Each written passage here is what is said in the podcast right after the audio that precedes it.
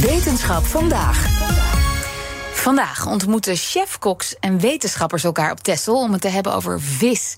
Met als doel betere keuzes maken over welke vis er wanneer op ons bord terechtkomt.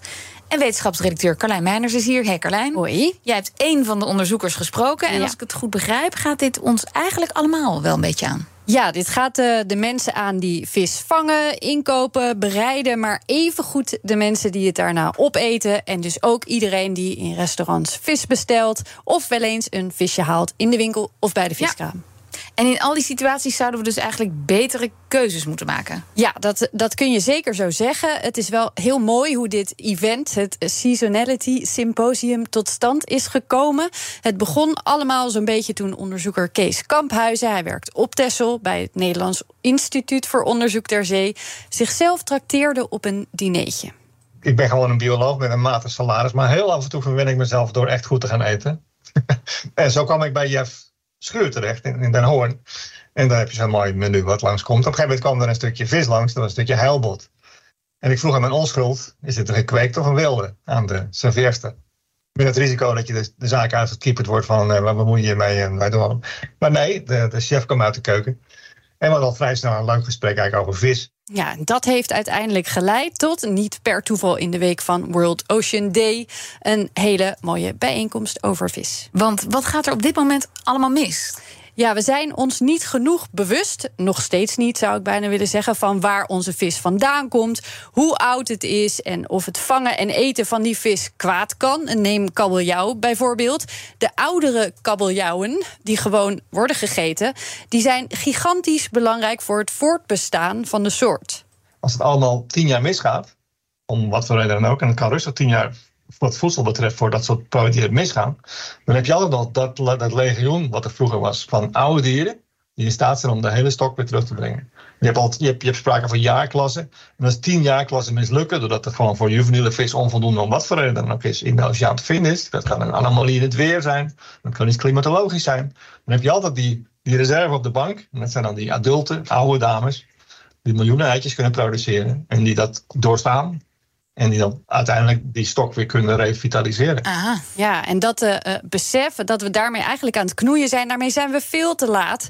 Daar is eh, te lang totaal geen rekening mee gehouden. Die oudere grote vissen die zijn gewoon keihard nodig. Dus de verkoper, de chef en wij zelf zouden op zijn minst moeten weten hoe oud de vis is die we op ons bord hebben of die we kopen. Noordkromp, een schelpdier, wordt ook gegeten, kan 500 jaar, meer dan 500 jaar oud worden. Een steur wordt bijvoorbeeld 110 jaar, duurt 30 jaar voor het dier volwassen genoeg is om eitjes te leggen. En dat is dan dat lepeltje caviar dat je naar binnen aan het scheppen bent, zeg maar. Daar zou je op zijn minst toch een beetje meer respect voor moeten hebben. En zoek maar eens uit wat mogelijkheden er wel zijn. Al die rivierknevers die in Amsterdam daar in de berm zitten en die daar, eh, die, die zijn we graag kwijt. Ga daar maar eens een bisk van maken. Dat heb ik ook gedaan, hartstikke lekker. De Waddenzee hier waar ik werk ligt helemaal vol met Japanse oesters. Een vergissing van iemand die dacht dat het leuk was in een waterinlaat om oesters te kweken. Nu zit het hele systeem vol met Japanse oesters. Nou, daar kan je ook dingen mee doen die, eh, die misschien ook goed zijn voor de omgeving daar. Ah. Dat zijn nog maar een paar van de vele voorbeelden. Meer doen met bijvangst, beter letten op de seizoenen. Sommige soorten kun je prima in een deel van het jaar wel eten, maar in een ander deel niet. Eh, ja, en, en kies eh, eerder als je zelf vis koopt voor kleinere, kortlevende vissoorten, zei Kamphuis eigenlijk. Laat die heilbot en die grote kabeljauw gewoon wat vaker liggen. Maar er zijn toch al heel veel certificaten voor vis? Ja, Helpen Ja. die dan, dan niet daarbij? die zijn er, maar het is de vraag hoeveel we daaraan hebben.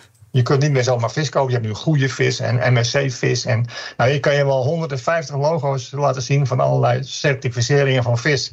Die iets doen met haaien winnen of, nou ja, noem maar op. En er is dus een probleem met vis. Dat zijn daar zijn we het wel over eens. En er is vooral een probleem met grote vis.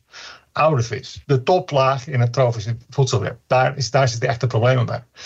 En de certificeringen, als je die goed gaat navolgen. Ja, sommige deugen, maar een heleboel zijn eigenlijk fake. Ja, fake of gewoon te complex. In Spanje zijn ze daar al veel beter in. Er staat bijvoorbeeld niet ergens uit de Atlantische Oceaan bij een soort. Het is veel preciezer allemaal. En zolang dat hier niet goed gebeurt, moeten we zelf net even wat meer moeite doen. Probeer je iets te verdiepen in wat je eet. In dit geval dus vis. Probeer te begrijpen wat voor vis het is.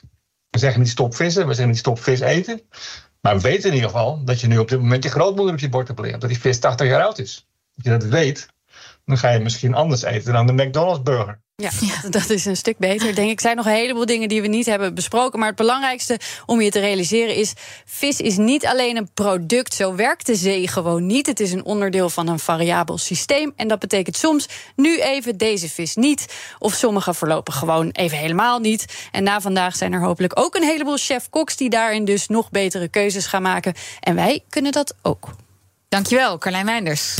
Business Booster. Hey ondernemer, KPN heeft nu Business Boosters. Deals die jouw bedrijf echt vooruit helpen. Zoals nu, zakelijk tv en internet, inclusief narrowcasting... de eerste 9 maanden voor maar 30 euro per maand. Beleef het EK samen met je klanten in de hoogste kwaliteit. Kijk op kpn.com businessbooster. Business Booster.